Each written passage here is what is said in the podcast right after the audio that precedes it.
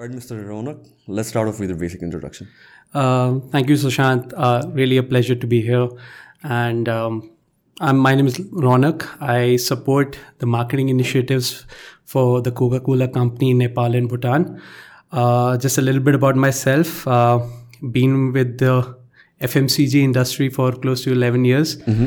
And uh, my association with the Coca-Cola family has been close to 10 months. Okay. And uh, it's really, really a honor for me to work on some wonderful campaigns uh, for these awesome portfolio of brands that the Coca-Cola company has, and uh, that really can uh, engage and, and and strike a chord uh, with the consumers of Nepal. So Coke has been like one of the oldest uh, carbonated drink companies. I mean, like it's been 130 something years, right?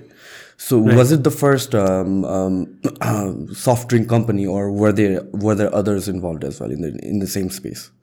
Uh, yeah, so we've we've had a very wonderful history and heritage, and uh, we are close to 136 years old, mm-hmm. or we would say 136 years young, and. Um, while we were not the first con- uh, company uh, to introduce the uh, soft drinks, uh, but we were the first company to introduce a new flavor, which is okay. cola, which has become a category in its own. So yes, uh, not the first company to introduce soft drinks, but uh, the first to introduce cola to the world. So talking about Coke, I mean, like um, it's a very well-known brand. I mean, like everybody knows it. One of the most popular brands across yeah. the world. I mean, like the red color itself has been associated with Coke so much um, being a company with such a large uh, brand presence, you guys still invest a lot into marketing campaigns. I mean, um, what is the reason behind that? Because people do not, at this point, I, I believe that people do not need to actually know about Coke. Pretty much everybody does. But what keeps you pushing towards all these campaigns? So you're right. So even for Nepal, uh, we are, uh, you know, we, next year we'll be celebrating our 50 years oh, you know, okay. of uh, Coca-Cola's presence in Nepal. So, and it's it's it's a been a very uh, rewarding uh, uh, relationship that Coca-Cola has had in Nepal with the consumers, and uh, as a result, we are actually one of the most pervasive brands and one of the most loved brands right? Uh, but we are also very youth uh, centric and a very consumer centric company right? And uh, we want to continue to do relevant work, uh, which is either in terms of introducing new products, new packs, or in our advertising, mm-hmm. which really strikes chord with the with the youth, right? True.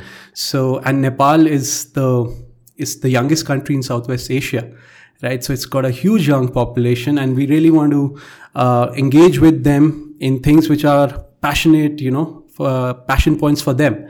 So in that sense, we want to be do relevant advertising, and that's why we keep refreshing and keep uh, uh, doing, uh, you know, uh, keep adding ra- rather a little touch of real magic in uh, in in everything that we do in our campaigns. Yeah, whenever we're thinking about Coke and then in its campaigns, it's pretty unique. I mean, like how it touches people across all uh, aspects of life. I mean, like, what is the process, the creative process like when you think of a, a campaign that is supposed to be created?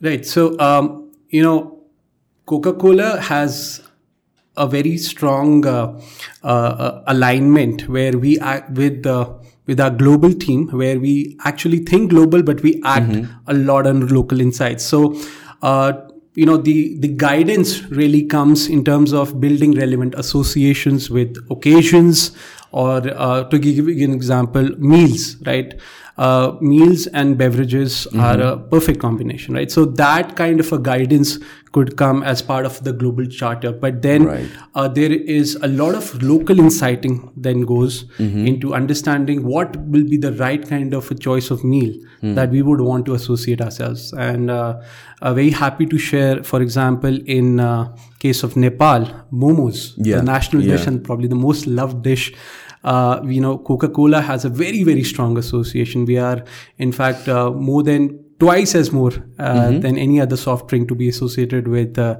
uh, with momos right and this we have done through very consistent advertising and integrated execution acts uh, which is what you see on the screen is what you see in the outlet on, on the on the shelf uh, as well so that's been uh, our you know secret sauce where we take uh, the guidance from global, but we act on local insights and we do it consistently over the course of many years. Uh, Momotsa, for example, has been a campaign which uh, next year will be in its eighth year Wow. running. Okay. Right. So similarly for festivals, right? So uh, we know the Sai is the most biggest festival in Nepal, and we do a work which is uh, you know which is all about so the the the brand heart remains the same, which is you know bringing people together, right?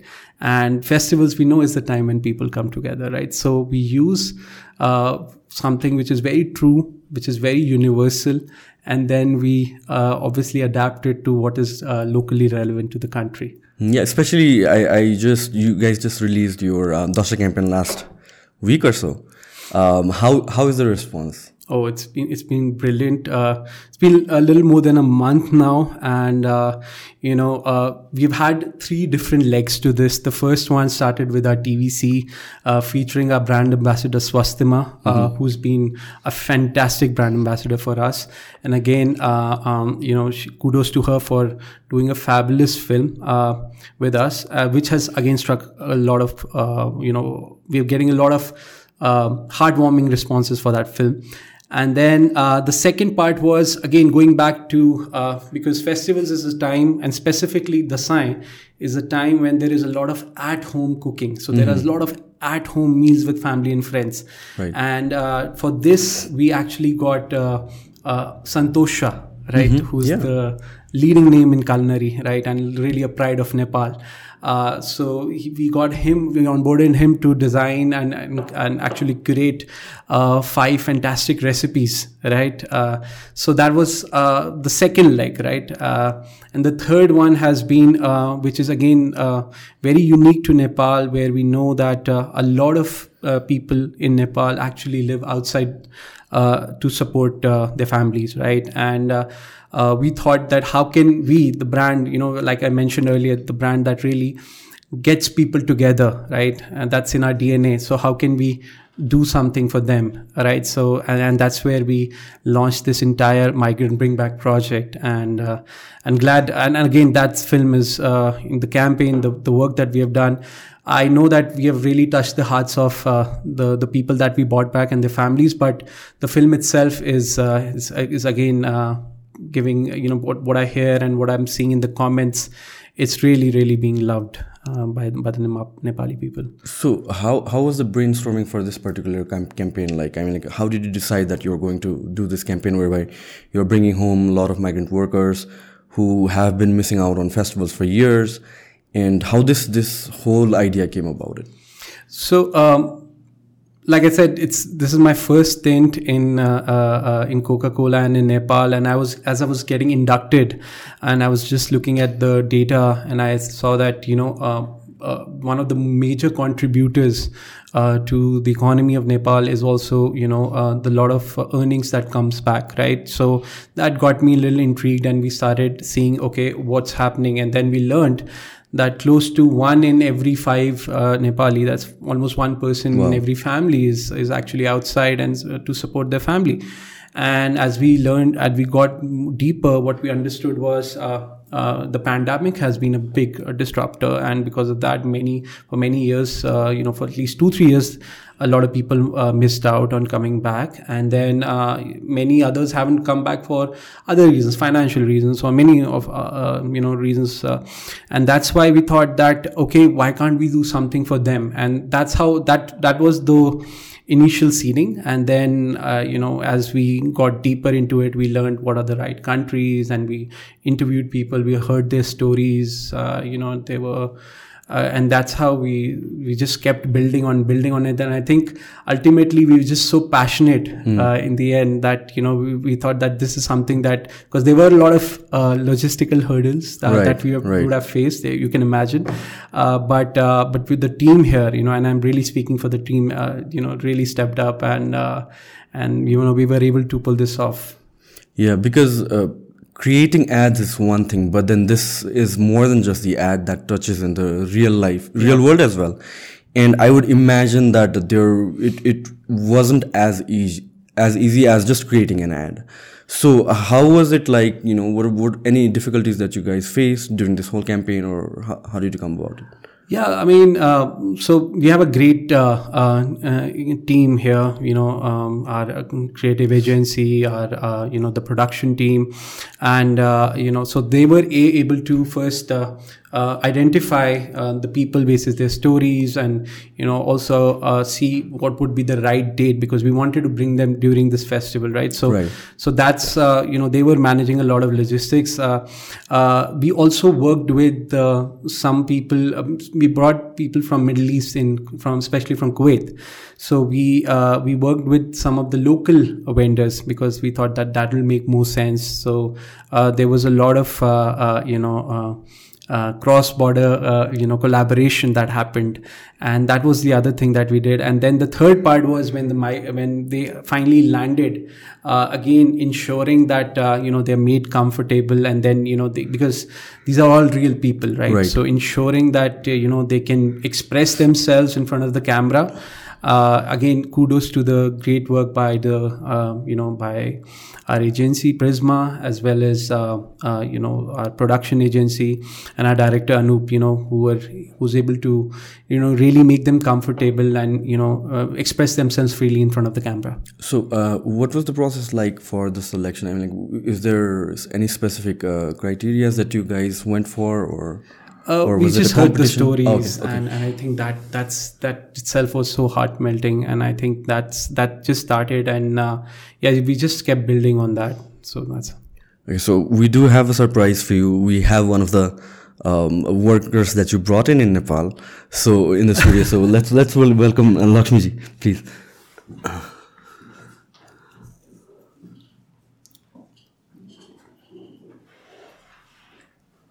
Namaste, Lakshmi ji. Namaste.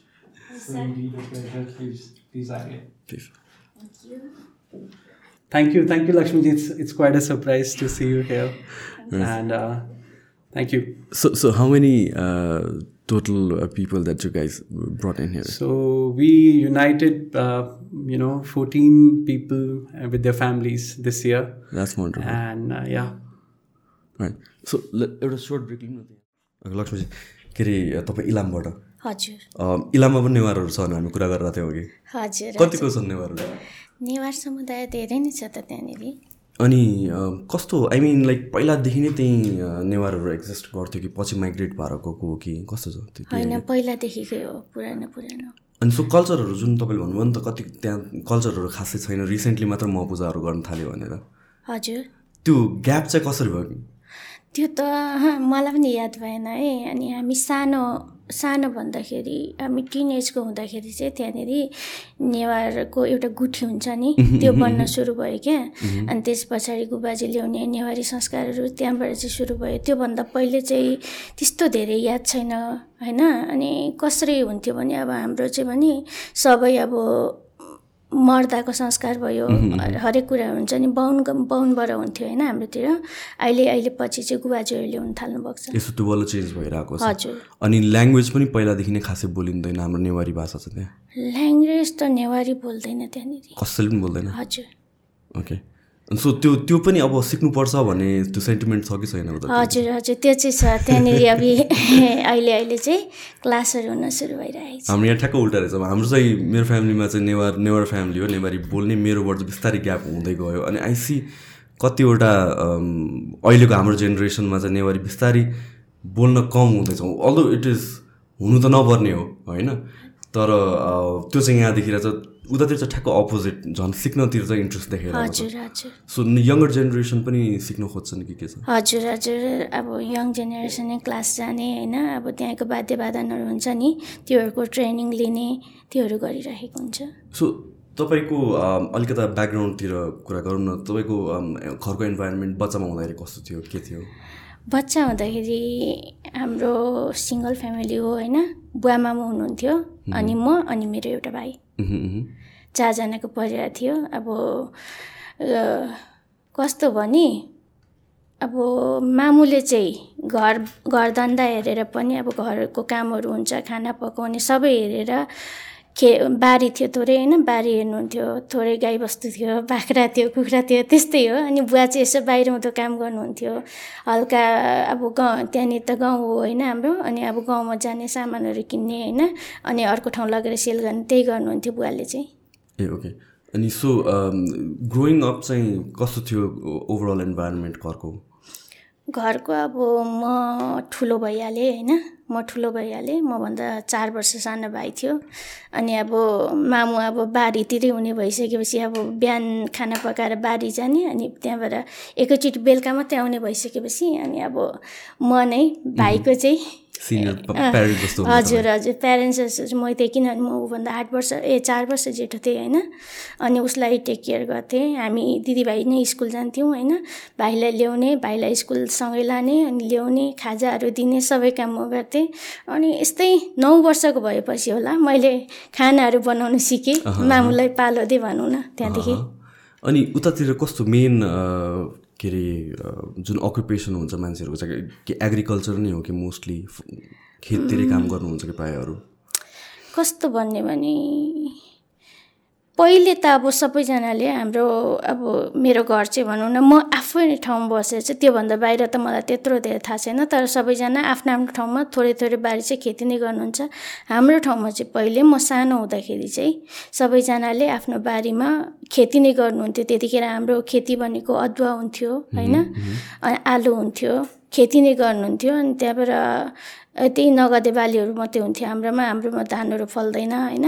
धानहरू फल्दैन हाम्रो बारीतिर नगदे बालीहरू हुन्थ्यो। अनि अहिले पछि आएर चाहिँ अहिले जुन अहिलेको स्टेज छ त्यहाँनिर चाहिँ लगभग धेरैले खेती गर्नु छोडिसक्नु भयो क्या धेरैले खेती गर्नु छोडिसक्नु भयो सबै आफ्नो आफ्नो लाइनमा लाग्नुभएको छ बजार लाइनहरू जाने है।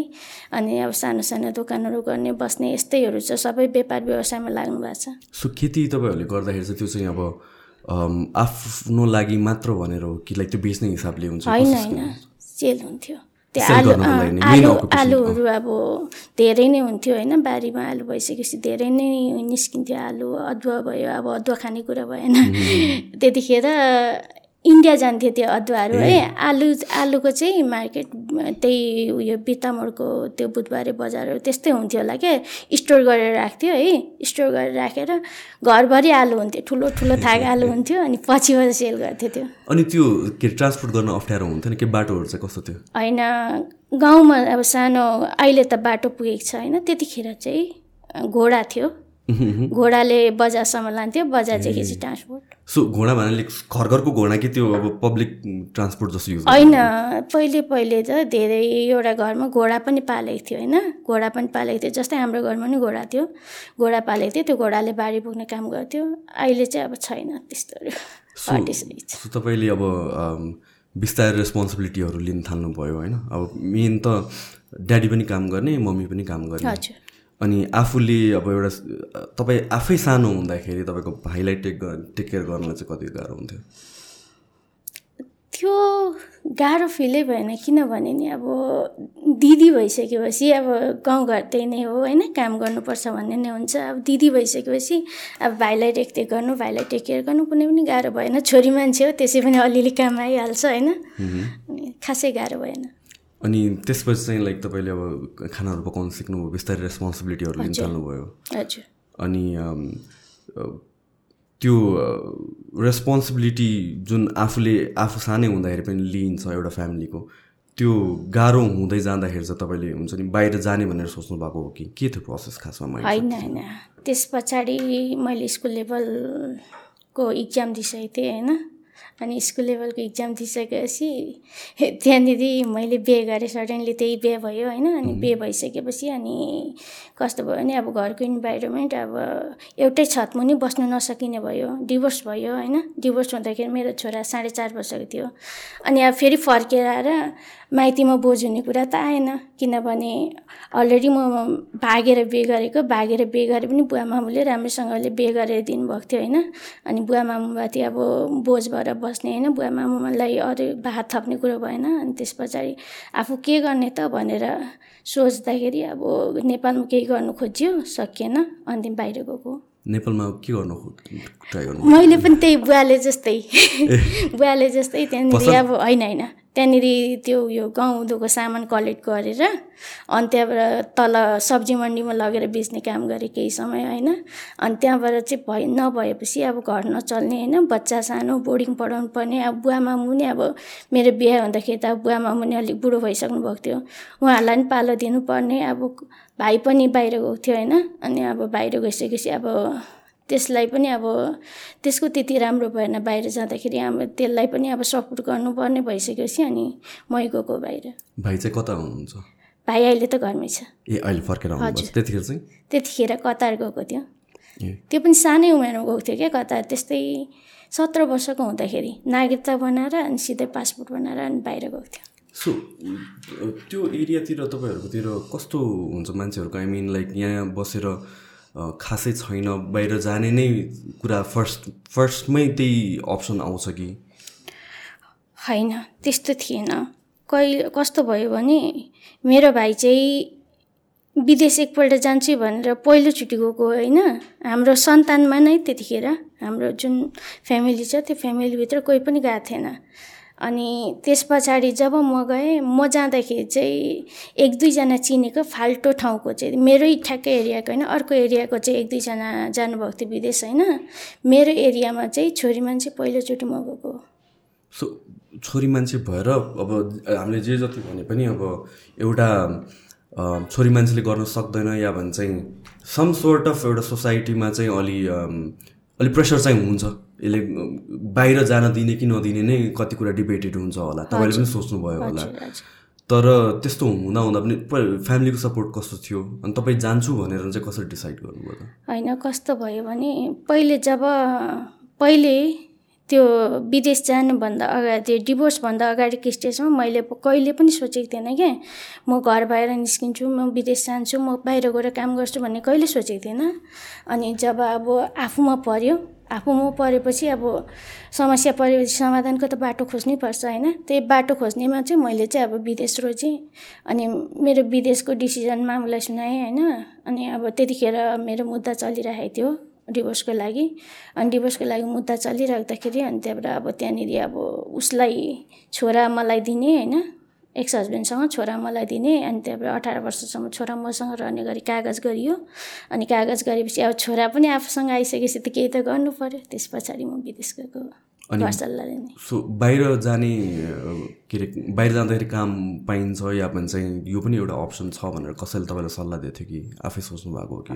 होइन एक दुईजना पहिले गएर फर्केर आउनुभएको थियो होइन। अनि अब बाहिर पनि ठिकै हुन्छ भन्ने कुरा भयो। अनि मैले पहिले चाहिँ म कुवेत चाहिँ अब त्यति धेरै नाम सुन नसुनेको कन्ट्री होइन। अनि जाँदिनँ होला भन्ने जस्तो थियो क्या जाँदिनँ होला भन्ने जस्तो थियो। तर अब ट्राई गर्दाखेरि चाहिँ अब मलाई चाहिँ छिटो भिसा चाहिएको थियो त्यतिखेर होइन। अनि छिटो भिसा चाहिँदाखेरि चाहिँ अब कुवेतकै भिसा पहिले निस्क्यो होइन। अनि दुबई ट्राई गरेको थिएँ मैले। अनि कुवेतको भिसा पहिले निस्केपछि कुवेतै गएको प्रायः मान्छेहरू चाहिँ कहाँ जाने गर्छन्? त्यतिखेर त अब अलिक दुबईहरू जान्थेँ होइन। दु दुबई जान्थ्यो कुवेत खासै धेरै मान्छेहरू गएको थिएन। कुवेत भन्ने बित्तिकै अब कस्तो अब त्यहाँनिर त्यो गाडीको साइडमा लेखेको हुन्छ नि कुवेतको पानी यस्तै के लेखेको हुन्थ्यो नि त्यही मात्रै देखेको हो कि कुवेतबारे त्यत्रो धेरै थाहै थिएन। अनि अनि यहाँबाट जाँदाखेरि कस्तो लाइक काम भनेर फिक्स भइसक्यो हुन्छ कि कि त्यहाँ गएर अब होइन होइन। मैले चाहिँ कसरी गएँ भने पहिले म जाँदाखेरि एउटा कम्पनीमै गएँ कि कम्पनीमा गएँ त्यतिखेर वेट्रेसमा गएको थिएँ होइन। अनि वेट्रेसमा जाँदाखेरि अनि त्यहाँबाट अब काम त फिक्सै थियो नि। यहीँबाट फिक्स भएर हजुर। हुन्छ काम फिक्सै थियो अनि अब सेलरी चाहिँ कम थियो त्यतिखेर होइन। सेलरी चाहिँ कम्ती थियो काम चाहिँ फिक्सै भएर गएको। अनि यो अब बाबु यत्रो सानो हुँदाखेरि नै छोडेर जान त अप्ठ्यारै भयो होला। एकदम अप्ठ्यारो। होइन? तिमीलाई केही याद छ त्यतिखेर त्यति सानो भएको बेलाको मेमोरीहरू? अलिअलि याद छ दादा। के याद छ? म स्कुलमै थिएँ है।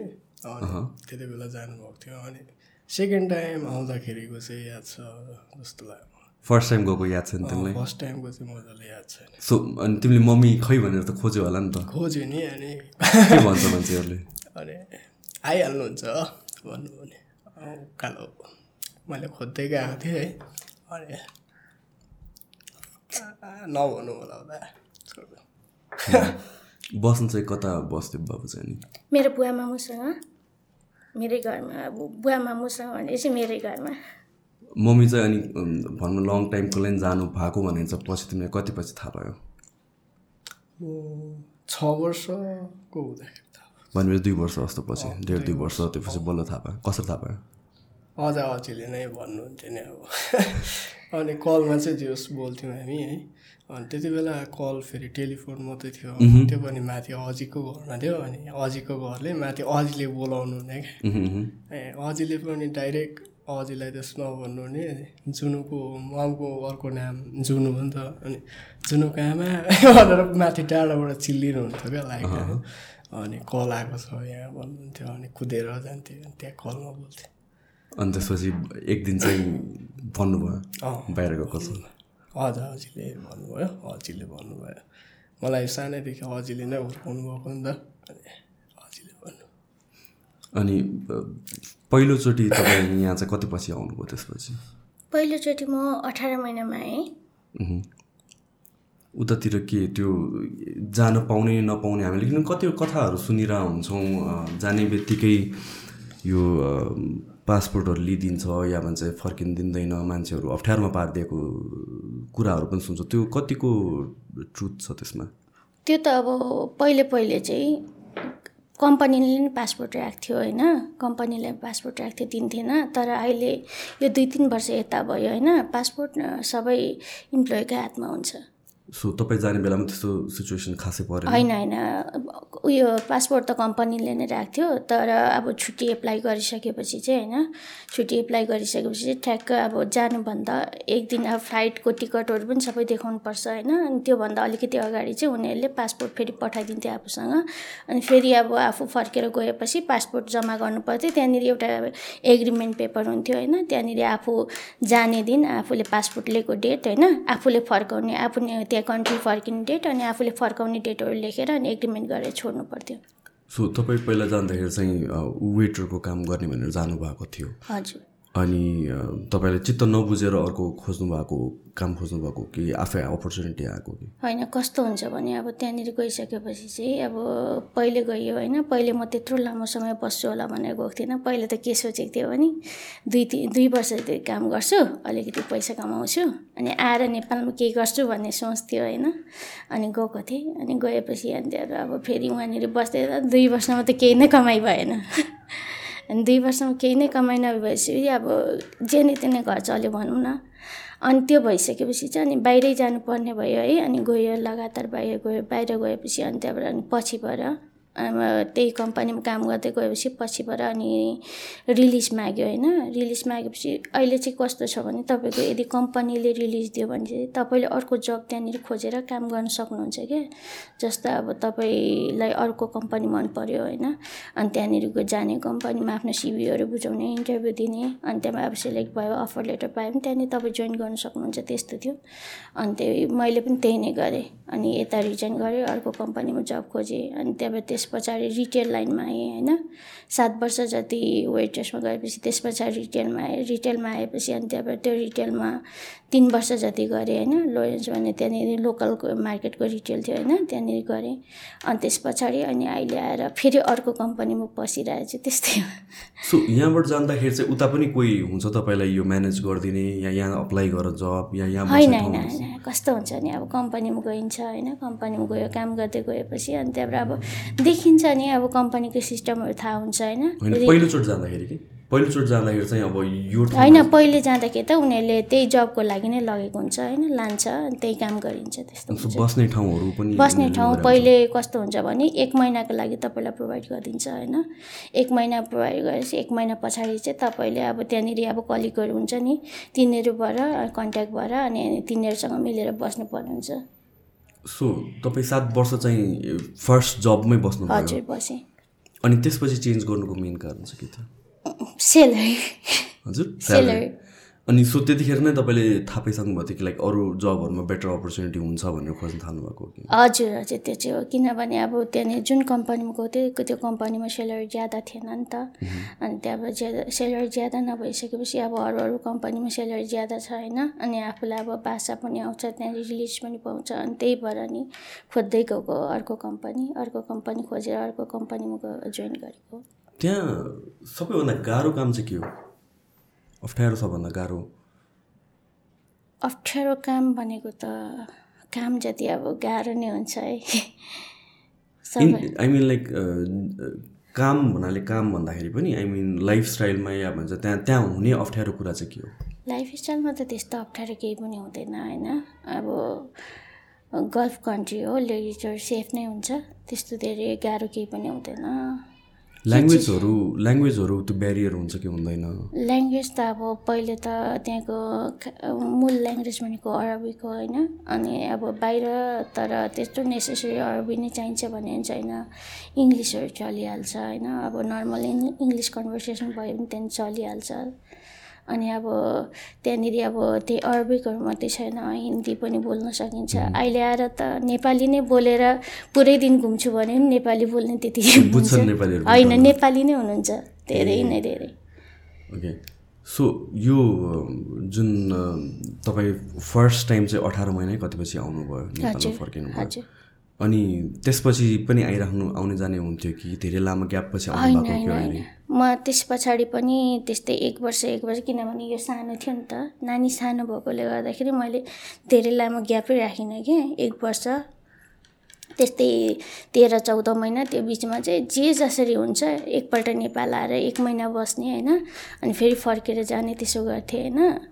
मेरो लागि अब त्यहाँनिर पैसा जमाउनु भन्दा पनि छोरा भेट्नु इम्पोर्टेन्ट हुन्थ्यो त्यही भएर म त्यसो गर्थेँ। अनि अब छोरा पनि बिस्तारै हुर्किँदै गयो है। अनि अब कस्तो भने अब नेपाल पनि अलिक चेन्ज हुँदै गयो। अब हात हातमा मोबाइल आयो अनि मोबाइल पछाडि इन्टरनेट आयो त्यस पछाडि अब दिनदिनै कुराहरू हुनु थाल्यो। अनि धेरै सजिलो भयो अब सम्झनामा मात्रै बाँच्ने भन्दाखेरि सम्झनामा बसिराख्ने भन्दा नि के छ भनेर सुनेर ढुक्क हुने दिनहरू पनि आयो बाहिर बस्दा बस्दै। सो यसपालि चाहिँ तपाईँ कति ग्याप पछि आउनुभएको? यसपालि पुरै तिन वर्ष। तिन वर्ष कोभिडको कारणले हजुर। रोकिएको? हजुर।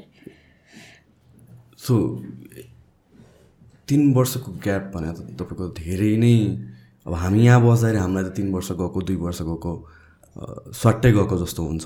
किनभने खासै केही पनि काम थिएन सबै चिज बन्द थियो यहाँतिर। अब हामी त आफ्नो परिवारसँग बसिरहेको छौँ। तर तिन वर्षसम्म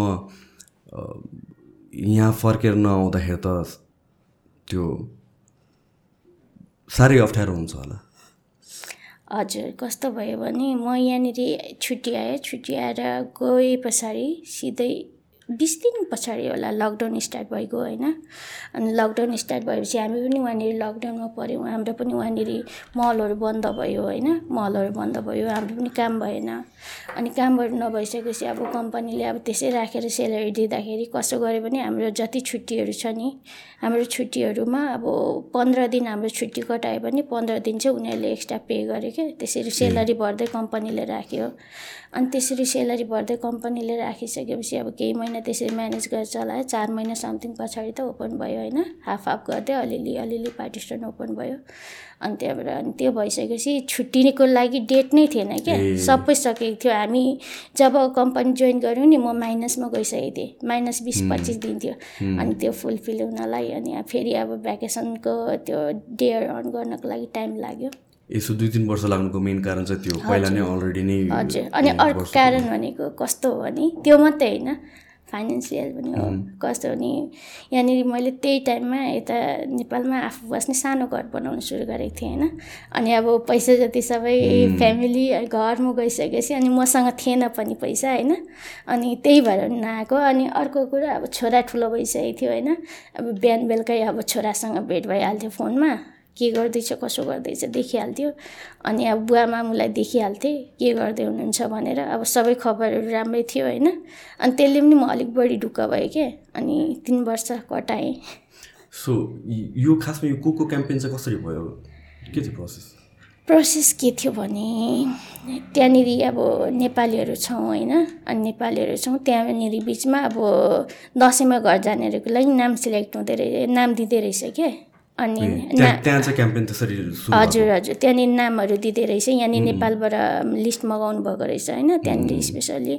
अनि त्यहाँबाट त्यहाँनिर चाहिँ कन्ट्याक्ट हुँदै नाम दिँदै रहेछ। अनि हामी पनि अब दसैँमा फर्किने थियौँ हाम्रो कम्पनीबाट होइन? अनि हामीहरूले पनि नाम लेखायौँ। हाम्रो कम्पनीबाट हामीहरूले पनि नाम लेखायौँ अनि नाम लेखाएर अनि त्यहाँबाट आफ्नो आफ्नो स्टोरी भन्नुपर्ने थियो होइन। अनि अब आफ्नो आफ्नो स्टोरी अनि मैले पनि मेरो स्टोरी सुनाएँ। अब म तेह्र वर्षदेखि कुवेतमा छु होइन। दसैँ तिहार अब यो तेह्र वर्ष बिचमा मैले राम्ररी मनाएकै छैन। अनि त्यही स्टोरी मैले पनि सेयर गरेँ। अनि त्यही स्टोरी सेयर गरिसकेपछि अनि त्यत्तिकै बसिरहेको थियौँ होइन। अनि अब दसैँको बेलाको छुट्टी चाहिँ एप्लाई गरिरहेको थियो। अनि छुट्टी एप्लाई चाहिँ गरिरहेको थियो तर टिकटहरू केही पनि किनेको थिएन अनि काम गरिरहेको थियौँ। अनि सडनली एक दिन कल आयो कङ्ग्रेचुलेसन आयो। अनि म सेलेक्ट भएछु। मेरो साथीहरू चाहिँ सेलेक्ट हुनु भएन। अनि म चाहिँ सेलेक्ट भएछु है खुसी लाग्यो। त्यसरी छान्नुभएको उहाँहरूले। सो अनि त्यसपछि बाबुले भनिहाल्नु भयो हजुर। म घर आउँदैछु त्यो पनि फ्रीमा। मम्मी तिन वर्षपछि मम्मी आउनु लाउनु भएको छहरू भन्दाखेरि कस्तो? म त भित्रबाटै खुसी भयो नि त अब है फाइनली अब चाहिँ भेट हुने भयो। भनेर अनि कङ्ग्रेट्स पनि भने किनकि अब फ्रीमा आउनु आँटेको छु। आउनु आँट्नु भयो योपालि भन्नुभयो कसरी भने सुरुमा त अनि क्याम्पेन गराउँदै थियो अनि यहाँ क्याम्पेनमा स्टोरीहरू यहाँ थियो भन्नुभयो। त्यसरी नै अनि भन्दा भन्दै अनि यस्तरी एउटा उत्यो लिन्छु ल भन्नुभयो ल। अनि त्यहाँनिर सानो त्यो क्लिपमा हाल्नुभएको थियो रहेछ भिडियोमा बनायौँ हामीले अनि भरे भिडियो कलमा बोल्दा बोल्दै मम्मी अगाडि नै आइपरि पुगिहाल्नु भयो आउनु लागेको डेट चाहिँ थाहा थिएन? के हो? थाहा थियो। थाहा थियो। हजुर भनेको अब त्यो होस् बोल्दा बोल्दै अगाडि आएको थाहा नै भएन भन्नु त। कोभिडको बेलामा चाहिँ कस्तो कस्तो थियो उतातिर सिचुएसन हाम्रो इलाममा त त्यस्तो कोभिडले साह्रो पारेन त दा है सबै नर्मल त्यो टेम्परेचर नर्मल भएर होला त्यहाँ पाएको ए खासै त्यहाँतिर मान्छे खासै त्यो मान्छेहरू मरेन। बेसीमा पनि दस बाह्रजनाहरू मात्रै मर्नुभयो। अनि त्यस्तै भयो त्यहाँ मम्मीलाई कोभिड भएको थियो अरूभन्दा पनि अनि मलाई मम्मीको चाहिँ चिन्ता लागेको थियो खतरा कोभिडको टाइममा। उता चाहिँ तपाईँलाई कोभिड लागेको थियो? हजुर त्यो गाउँको टाइममा फर्स्टमा होइन सेकेन्डमा चाहिँ म बिरामी भएको थिएँ होइन अनि सेकेन्डमा बिरामी भएको थिएँ। तर मैले घरमा चाहिँ भनेको थिइनँ क्या म घरमा अब प्रब्लमहरू पऱ्यो भने म घरमा भन्दिनँ क्या हतपत्त सेयर गरिहाल्दिनँ किनभने अब उहाँहरू मेरो लागि बढी चिन्ता गर्नुहुन्छ नि त म घर बाहिर छु होइन अनि मेरो लागि चिन्ता गर्नु मलाई त्यो चाहिँ फेरि चाहिँदैन क्या उहाँहरू चिन्ता गरेको मलाई मन पर्दैन त्यही भएर सेयर नगरी बसेको थिएँ कुराहरू। अनि तिन चार दिन पछाडि अब फोनहरू नगर्दाखेरि चाहिँ यताबाट अनि किन फोन नगरेको यत्रो दिन भनेर खोज्दाखेरि चाहिँ अनि भने नि त। म बिमारी भएको छु भनेर एकदमै ज्वरो आउने हुन्थ्यो होइन अनि त्यहाँबाट अब बोल्न गाह्रो भइरहेको हुन्थ्यो। अनि एक दिन चाहिँ भिडियो कलमा जब घरबाट फोन आउँथ्यो नि म चाहिँ हतार हतार उठेर है सुतिरहेको हुन्थ्यो हतार हतार उठेर अनि त्यहाँबाट बसेर एकछिन चाहिँ उभिएर बोलिदिन्थेँ कि उहाँहरूलाई अब त्यस्तो असर नपरोस् टेन्सन नहोस् भनेर नि अनि त्यहाँबाट कन्भिन्स गराउनुलाई। अनि बसेर बोल्दा पनि अब राम्ररी बस्नु सकिनँ रहेछ यस्तो मन्टो भएछ नि त। अनि बुवाले चाहिँ त्यसलाई त साह्रो पारिसकेको रहेछ। मन्टो पनि सिधा भएको छैन। कपालहरू पनि झिङ्रिङ्ग पारेर बसिरहेछ अनि बुवाले पिर गर्न थाल्नु भोलिपल्टको दिन तेरो आमा बुवाले त यसो हुँदै थियो भन्नुभयो नि त मामुले। भोलिपल्ट चाहिँ कपाल कोरिवरी सिधा भयो। कति बेला फोन राख् राख्नुहुन्छ र अनि ढल्कु हुन्थ्यो कि तर पनि आफूले आफूलाई चाहिँ नि अब उहाँहरूको अगाडि चाहिँ एकदम राम्रो रिप्रेजेन्ट गर्थेँ क्या म चाहिँ। उतातिर चाहिँ कोभिड कसरी ह्यान्डल गरेको थियो उताको सरकार? उता कस्तो थियो भने अब जब अब त्यो पिसिआर टेस्ट गरिन्थ्यो होइन? अनि जब पिसिआर टेस्ट गरिन्थ्यो त्यहाँबाट त्यो हस्पिटलले एउटा लिङ्क दिन्थ्यो स्लोनिक भन्ने होइन? अनि त्यहाँबाट अब त्यहाँनिर त सबैजनालाई कोभिड भएको थियो नि त धेरै नै बिमारीहरू थियो। अनि त्यहाँबाट त्यो स्लोनिक एपमा चाहिँ अनि त्यहाँबाट आ त्यसले चाहिँ त्यो कोभिडको बिरामी कहाँनिर छ भनेर अब लोकेट गरेर राखेको थियो नि त। हजुर हजुर। अनि त्यहाँबाट अनि हामी चाहिँ त्यहाँदेखि त्यही लोकेसनदेखि बाहिर कहीँ पनि जानु पाउँथेन होइन? त्यहीँनिर एकै ठाउँ बस्नु पर्थ्यो। यदि हामी मुभ भयो भने हाम्रो लोकेसन मुभ भयो भने तिनीहरूले चाल पाउँथ्यो पुलिसहरू आउँथ्यो भन्थ्यो। अनि दुई दुई घन्टामा चाहिँ मान्छे अब ठिक छ छैन भनेर जाँच्नुको लागि दुई तिन घन्टा दुई दुई घन्टाको अन्तरमा फोटो पठा भन्थ्यो है। फोटो पठाउनु पर्ने त्यही एपलाई पनि खिचेर फोटो पठाउनु पर्ने हुन्थ्यो। अनि त्यो फोटो पठाएन भने चाहिँ अनि सिधै त्यहाँनिर हेल्थ क्लिनिकहरू हुन्थ्यो नि त। त्यहाँबाट डक्टरहरूको कल आउँथ्यो क्या कस्तो छ भनेर बुझ्नलाई।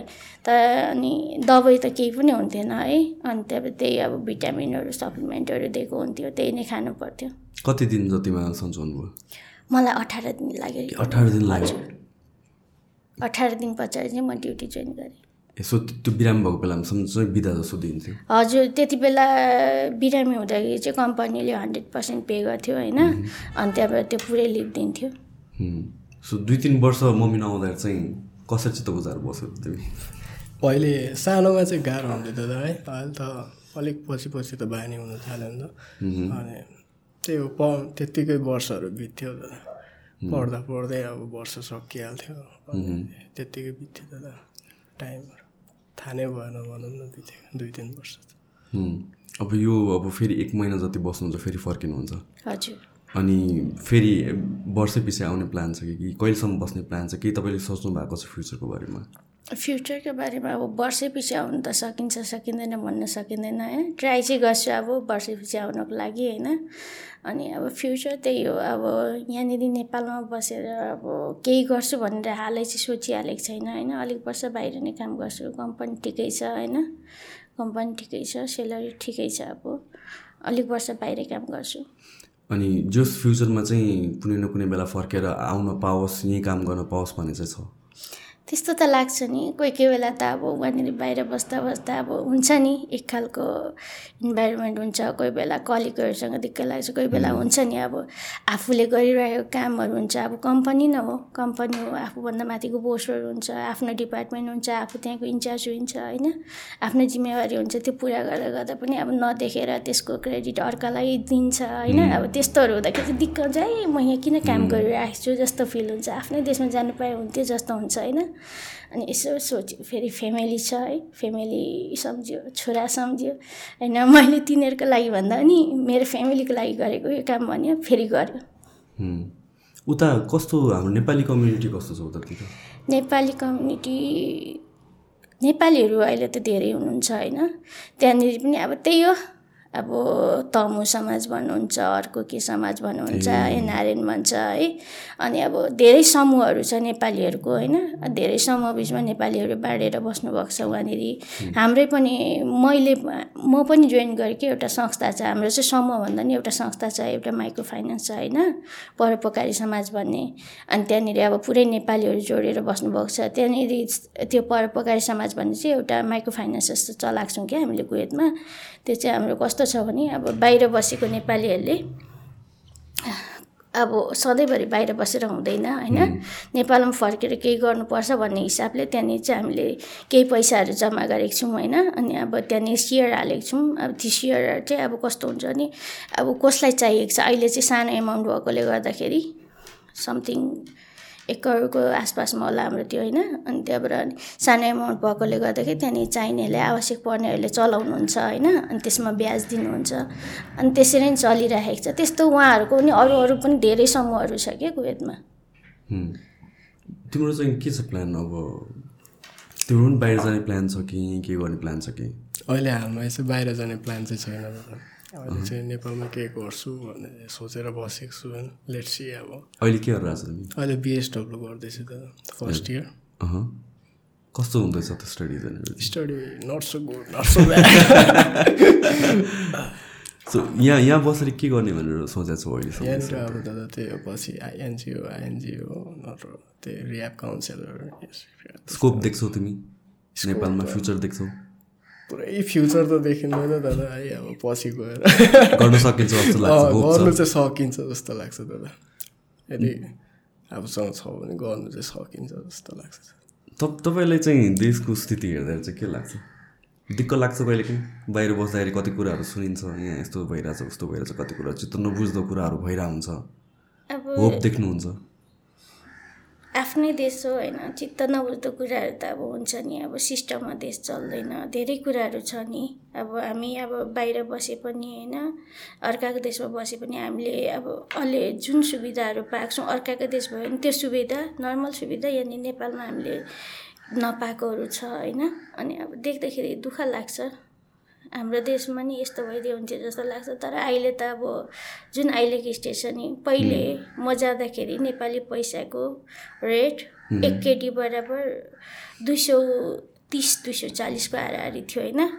अहिले म बाहिर बस्दा बस्दा एक केटी बराबर चार सौ भइसक्यो चार सौ पन्ध्र समथिङ भइसक्यो होइन। पैसाको रेट नेपाली पैसाको रेट बढिसक्यो त्यत्रो। भनेपछि हाम्रो इकोनोमी डाउन भएको हो नि त अनि दुःख लाग्छ। त्यो देखेर के चाहिँ भइदियो? हुन्थ्यो जस्तो लाग्छ तपाईँलाई? कस्तो के भइदिए जस्तो हुन्थ्यो भने अब हुन्छ नि। सबैभन्दा बढी त अब यहाँनिर आफ्नै आँखाले देखेको त हेर्नुहोस्। अब पोलिटिक्समा भ्रष्टाचार हो। पोलिटिक्समा भ्रष्टाचार हो। त्यो चाहिँ आफ्नो आँखाले भ्रष्ट देखेको अब जस्तो चुनाव हुन्छ चुनावमा आसेपासेहरू हुन्छ है। अब हुन्छ नि अब त्यसलाई के भन्छ ठ्याक्कै त मलाई थाहा छैन। अनि तिनीहरू हुन्छन् अब कार्यकर्ता भनिन्छ उनीहरूको मेन मेन सपोर्टर हुन्छ। अब त्यस्तोहरू भइसकेपछि अनि त्यहाँबाट अब चुनाव पछाडि जुन सुविधाहरू पाउने छ जे जति छ तिनीहरूको पोल्टोमा जान्छ क्या। धेरै देखेको आँखाले देखेको कुरा म भन्छु तपाईँलाई। अनि अब त्यो अब जुन आवश्यक परेका मान्छेहरू हुन्छ। तिनीहरू बिचमा नगएर अब फाइदामा जाने मान्छेहरूलाई चाहिँ त्यो सब भइराखेको हुन्छ क्या यदि आवश्यक मान्छेहरूले त्यो पाएको भए है त्यो चान्सहरू पाएको भए त्यहाँनिर अब केही डेभलप त हुन्थ्यो होला नि। अनि त्यो हुँदाखेरि चाहिँ कस्तो छ भने नेपाल? अब गरिब मान्छे गरिबको गरिबै छ हेर्नुहोस् होइन? धनी अझै धनी भएर गइराखेको छ। त्यही हो। अर्काको खुसीमा डाँड त होइन है। तर। रियालिटी रियालिटी नै त्यही हो नि। मेन प्रब्लम भनेको नि राइट पर्सन राइट प्लेसमा भइदिएन अनि त्यसपछि राइट पोलिसी जे हुनुपर्ने त्यो भइदिएन कि। अन पेपर एभ्रिथिङ चाहिँ राम्रो छ तर प्र्याक्टिकल लेभलमा हेर्ने भने त्यो त भइरहेको छैन नि त। त्यसले गरेर चाहिँ मलाई चाहिँ अब अहिले पनि भन्ने हो भने त अब अब सिटीहरूबाट पनि थुप्रैजनाहरू बाहिर गइरहेको छ र यो झन् बढ्दै गइरहेको छ कि यो सङ्ख्या। अब यसले के देखाउँछ त भन्ने कुरा हो क्या? त्यो भनेको त अब अहिलेको जेनेरेसनले पनि होप नदेखा हो नि त होइन यहाँ बसेर केही फाइदा छैन मेरो फ्युचर सिक्योर छैन भनेर देखा हो कतिजना त बाहिरै हुनुहुन्छ कतिजना अब जस्तो कि म पनि म कहिले पनि बाहिर बस्न सक्छु जस्तो मलाई लाग्दैन कि? तर त्यो सबैलाई लाग्ने होला। होइन बाध्यताले बस्ने होला नि त। फर्किने फर्किने यहाँ आएर केही गर्न पायो भने त किन नगर्ने आफ्नो देशमा आफ्नो मान्छे भएको ठाउँमा सबैलाई मन होला। तर त्यो इन्भाइरोमेन्ट त्यो एउटा वातावरण चाहिँ कसरी क्रिएट गर्ने त भन्ने कुरा चाहिँ मेन प्रब्लम हो कि हजुर। एउटा सर्ट ब्रेक लिने एकछिन सो तिम्रो चाइल्डहुड चाहिँ कस्तो थियो यार? मेरो चाइल्डहुड चाइल्डहुडमा म एकदम फडा थिएँ। माइक अलिकति तान त अनि? कस्तो फटा फटा हुनाले कस्तो खालको काइन्ड फटा? राम्रो फडा त अब हामी त गाउँमा बस्छ नि त है। गाउँभरिकै फडा थियो म चाहिँ किनकि हामी स्कुलबाट आउँथ्यो अनि यतापट्टि माथि अजीको घर थियो है। अजीको घर मुनि चाहिँ माछा थियो माछा ट्याङ्कीमा माछा पालेको थियो है। इस्कुसले है। अजीको माछा सब माऱ्यो नि त मैले है एक दिन बोकेर आइदियो क्या ब्यागमा? माछा बोकेर आइदियो ब्यागमा अनि भरे दुई घन्टा पछि थाहा पाउनु भएछ सबै मारिदिएको? सब मार्थ्यो अलिअलि छोडिदिनु पर्थ्यो दुइटा जस्तो मात्रै बोकेर आयो तर होइन मारेर छोडेँ। अनि भरे त थाहा पाउनु भएछ अनि माथिबाट अझै कालिनु भयो। अझैको स्वर फेरि लास्टै ठुलो छ। हो। कालिनु भयो। तेरो छो तेरो नातिले यहाँ माछा मारेछ भनेर अनि माछा मारेछ भन्नुभयो अनि एक हप्तापछि केही भन्नु भएन अजीले कराउनु भयो। ल पैसा तिर्छु नि त म कति भयो भन्नुभयो अजीले पर्दैन भन्नुभयो त्यतिकै सल्ट्यो है। एक हप्तासम्म त्यो ब्यागमै थियो क्या माछा माछा है। अनि एक हप्तापछि त अजीले के भन्नु यसको के के गुणाउँछ। बिर्सेको क्या हो? अँ मैले बिर्सेको थियो स्कुल अब स्कुल ब्यागमा म त स्कुलै लिएर जान्छु माछाले नि पढ्यो अरे। अनि भरे यसरी अझै हेर्नुभयो। गनाउँछ त यसको ब्याग त भन्दा त दुइटा माछा पो निक्ल्यो है लास्टमा ला मैले त निकाल्नै बिर्सेछु माछा त भन्ने भयो। अनि त्यही माछा हो तेरो मलाई थाहा भइसक्यो अनि त्यही हो त चाइल्डहुडको अलिक फनी कुरा हो अनि यहाँ चाहिँ तिमी आउनु थाले आएको कति भयो? यहाँ आएको म सात आठ महिना भयो दादा। यसो पढ्न थालेदेखि बिएसडब्ल्यूको लागि सो बिएसडब्ल्यू पढ्छु भनेर चाहिँ कसरी सोच्यो तिमीले? ब्याचलर पढ्छु भने? ब्याचलर भन्दा पनि बिएसडब्ल्यू नै पढ्छु भने। ए बिएसडब्लु मलाई सानैदेखि सोसियल वर्कपट्टि अलिकति इन्ट्रेस्टेड थियो दादा किनकि अरू सब्जेक्ट हेरेर सोसियोलोजीमा अलिकति बेसी मार्क्स पनि आएको थियो म यही फिल्डतिर जान्छु होइन पछि सोसियल वर्कर हुन्छु भनेर अलिकति त्यहाँबाट। सो फ्युचरमा के गर्ने प्लान छ एक्ज्याक्टली चाहिँ? फ्युचरमा त अब पछि हेरौँ न यही सब्जेक्ट लिएर गएछु भने चाहिँ एनजिओ आइएनजिओ नत्र त्यही काउन्सिलरतिर कि त आफ्नै अर्गनाइजेसन खोलेर फन्डिङहरू रेज गरेर बस्ने भने अब अब जस्तो कि सोसियल वर्क भने पनि डिफ्रेन्ट टाइप अफ सोसियल वर्कहरू हुन्छ नि त। कुनै स्पेसिफिक स्ट्रिममा सोचेछ कि म यो कजको लागि गर्छु या भन्छ मेबी यतातिर ढल्किन्छु भनेर। अँ त्यस्तो छ ओके अब अहिले त पहिला पढ्ने अनि त्यसपछि अगाडि के देखिन्छ त्यो बेला, हिसाबले। अँ, अगाडि के देखिन्छ त अब मेन त्यसमा जाने भनेको छ। उताको लाइफस्टाइल चाहिँ कस्तो हुँदो रहेछ? उताको लाइफस्टाइल सधैँ एकै खालको हुन्छ। बिहान उठ्ने। अलार्म बजिरहेको हुन्छ। अलार्म यदि स्किप गऱ्यो भने ड्युटी गयो। कति बजी कति बजीको अलार्म हुन्छ? अलार्म साढे आठ बजीको हुन्छ। अनि त्यहाँबाट त्यो अलार्म स्किप भयो भने चाहिँ अब ड्युटी गयो होइन नौ बजी नौ पन्ध्रमा ट्रान्सपोर्ट आइपुग्छ। अनि त्यही भएर अनि अलार्म बज्ने बित्तिकै झुरुक्क उठ्ने जाने वासरुम गएर अनि ब्रस गर्ने सावर लिने सिधा आउने युनिफर्म लगाउने आफ्नो ब्याग बोक्ने ब्याग अलरेडी रेडी हुन्छ होइन त्यो ब्याग कहिले पनि अब त्यो ब्यागबाट एउटा सिभिल आइडी हुन्छ त्यहाँको। सिभिल आइडी अलिकति पैसा एउटा ब्याङ्क कार्ड अनि त्यहाँबाट हेडसेट हुन्छ। अब कोही कोही बेला इमर्जेन्सी फोनमा बोल्नु पऱ्यो भने अब हेडसेट चाहिन्छ होइन अब भिडियो कलमा बोलिन्छ घरमा एउटा हेडसेट हुन्छ। त्यति भएको ब्याग बोक्ने निस्किने जाने ड्युटी। अनि? गयो गइसकेपछि अब त्यहाँनिर अब टिम ब्रिफिङहरू हुन्छ अनि गएर आफ्नो डिपार्टमेन्ट हेऱ्यो होइन। तपाईँको मेन मेन काम चाहिँ के हो खासमा? म सेल्स लेडी हो होइन। सेल्स लेडी प्लस त्यहाँनिरको अब आफ्नो डिपार्टमेन्टको इन्चार्ज त भइहालिन्छ होइन। के को सेल्स त्यहाँनिर म फेसनमा हो नि त। रिटेल लाइन फेसनमा हो। अनि त्यही भएर अनि अब आफ्नो डिपार्टमेन्ट त भइहाल्छ आफ्नो डिपार्टमेन्ट टेक केयर त भइहाल्छ। त्यस पछाडि भनेको अहिले बिचमा आएर चाहिँ यो पछि पछि चाहिँ अब त्यो उहाँनिरको अर्कै काम हुन्छ क्या। अब यहाँको जस्तो हुँदैन। मलहरू अब चौध दिनसम्म कस्टमरलाई क्यास रिफन्डहरू दिनुपर्ने हुन्छ होइन? अब रिफन्ड पोलिसी हुन्छ अब त्यहाँबाट अब एक्सचेन्जहरू हुन्छ। त्योहरू सबै अब टेक केयर गर्नुपर्छ। अब आफ्नो त्यो एउटा कन्सेप्ट चाहिँ एउटा कन्सेप्ट चाहिँ आफूले टेक केयर गर्नुपर्ने हुन्छ। अब म्यानेजर पनि साथमा हुन्छ होइन? यदि म्यानेजर छैन भने आफूले टेक केयर गर्यो किनभने म सिनियरमा पर्छु नि त त्यहाँनिर। अनि त्यही हुन्छ अनि अब त्यहीँ बिजी हुन्छ कोही बेला अब टी ब्रेक जाने टाइम पाइन्छ कोही बेला पाइँदैन ठिकै छ बिहान त्यति धेरै भोक पनि लाग्दैन।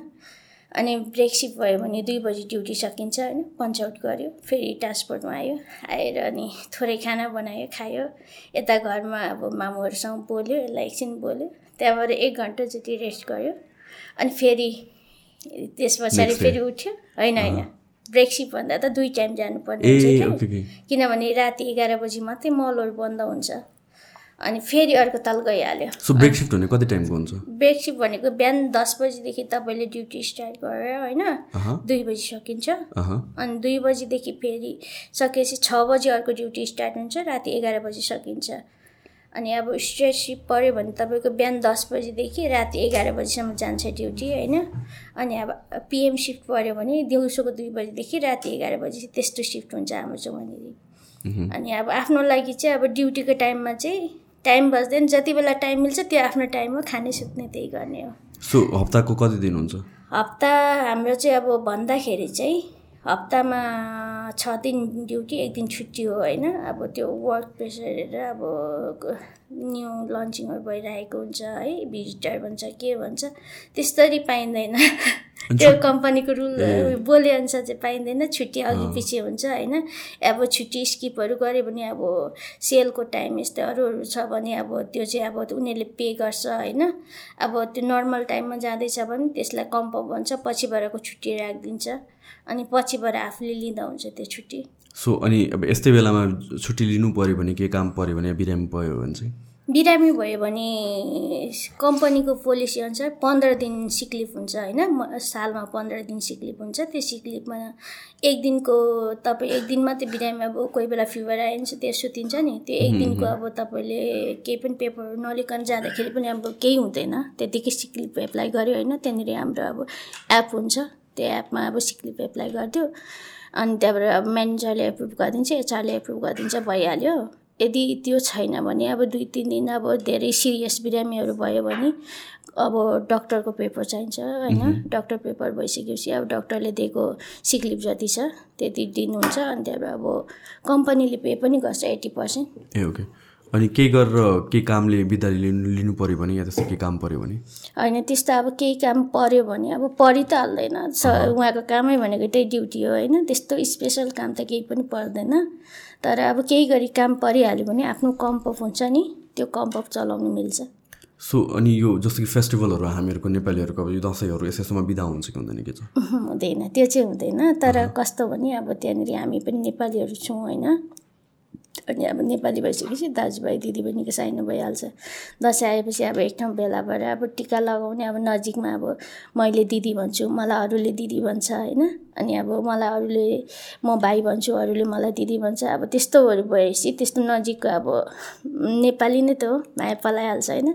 अनि त्यस्तो भएपछि आफ्नो फ्यामिली फिल वाला फिलिङ भइसकेपछि चाहिँ त्यहाँनिर चाहिँ हामी दसैँ तिहारमा चाहिँ दसैँमा अब टिका लाउने काम गर्छ होइन? टिका लाउने काममा अब ड्युटी सकेर अब सबैले छुट्टी पाउँदैन। त्यहाँबाट अब एक दुईजनाले छुट्टी पाएको छ भने अनि अब हामी चाहिँ यो ठाउँमा भेला हुने भनेर भन्छौँ होइन? एउटा प्लेसमा। अनि त्यहाँनिर अब थोरै खानेकुराहरू बनाएर छुट्टी यदि पाइहाल्यो भने छुट्टी पाउनेले रेडी गरेर राख्छ। नभए अब बाहिरबाट खानेकुराहरू किनेर लान्छौँ होइन।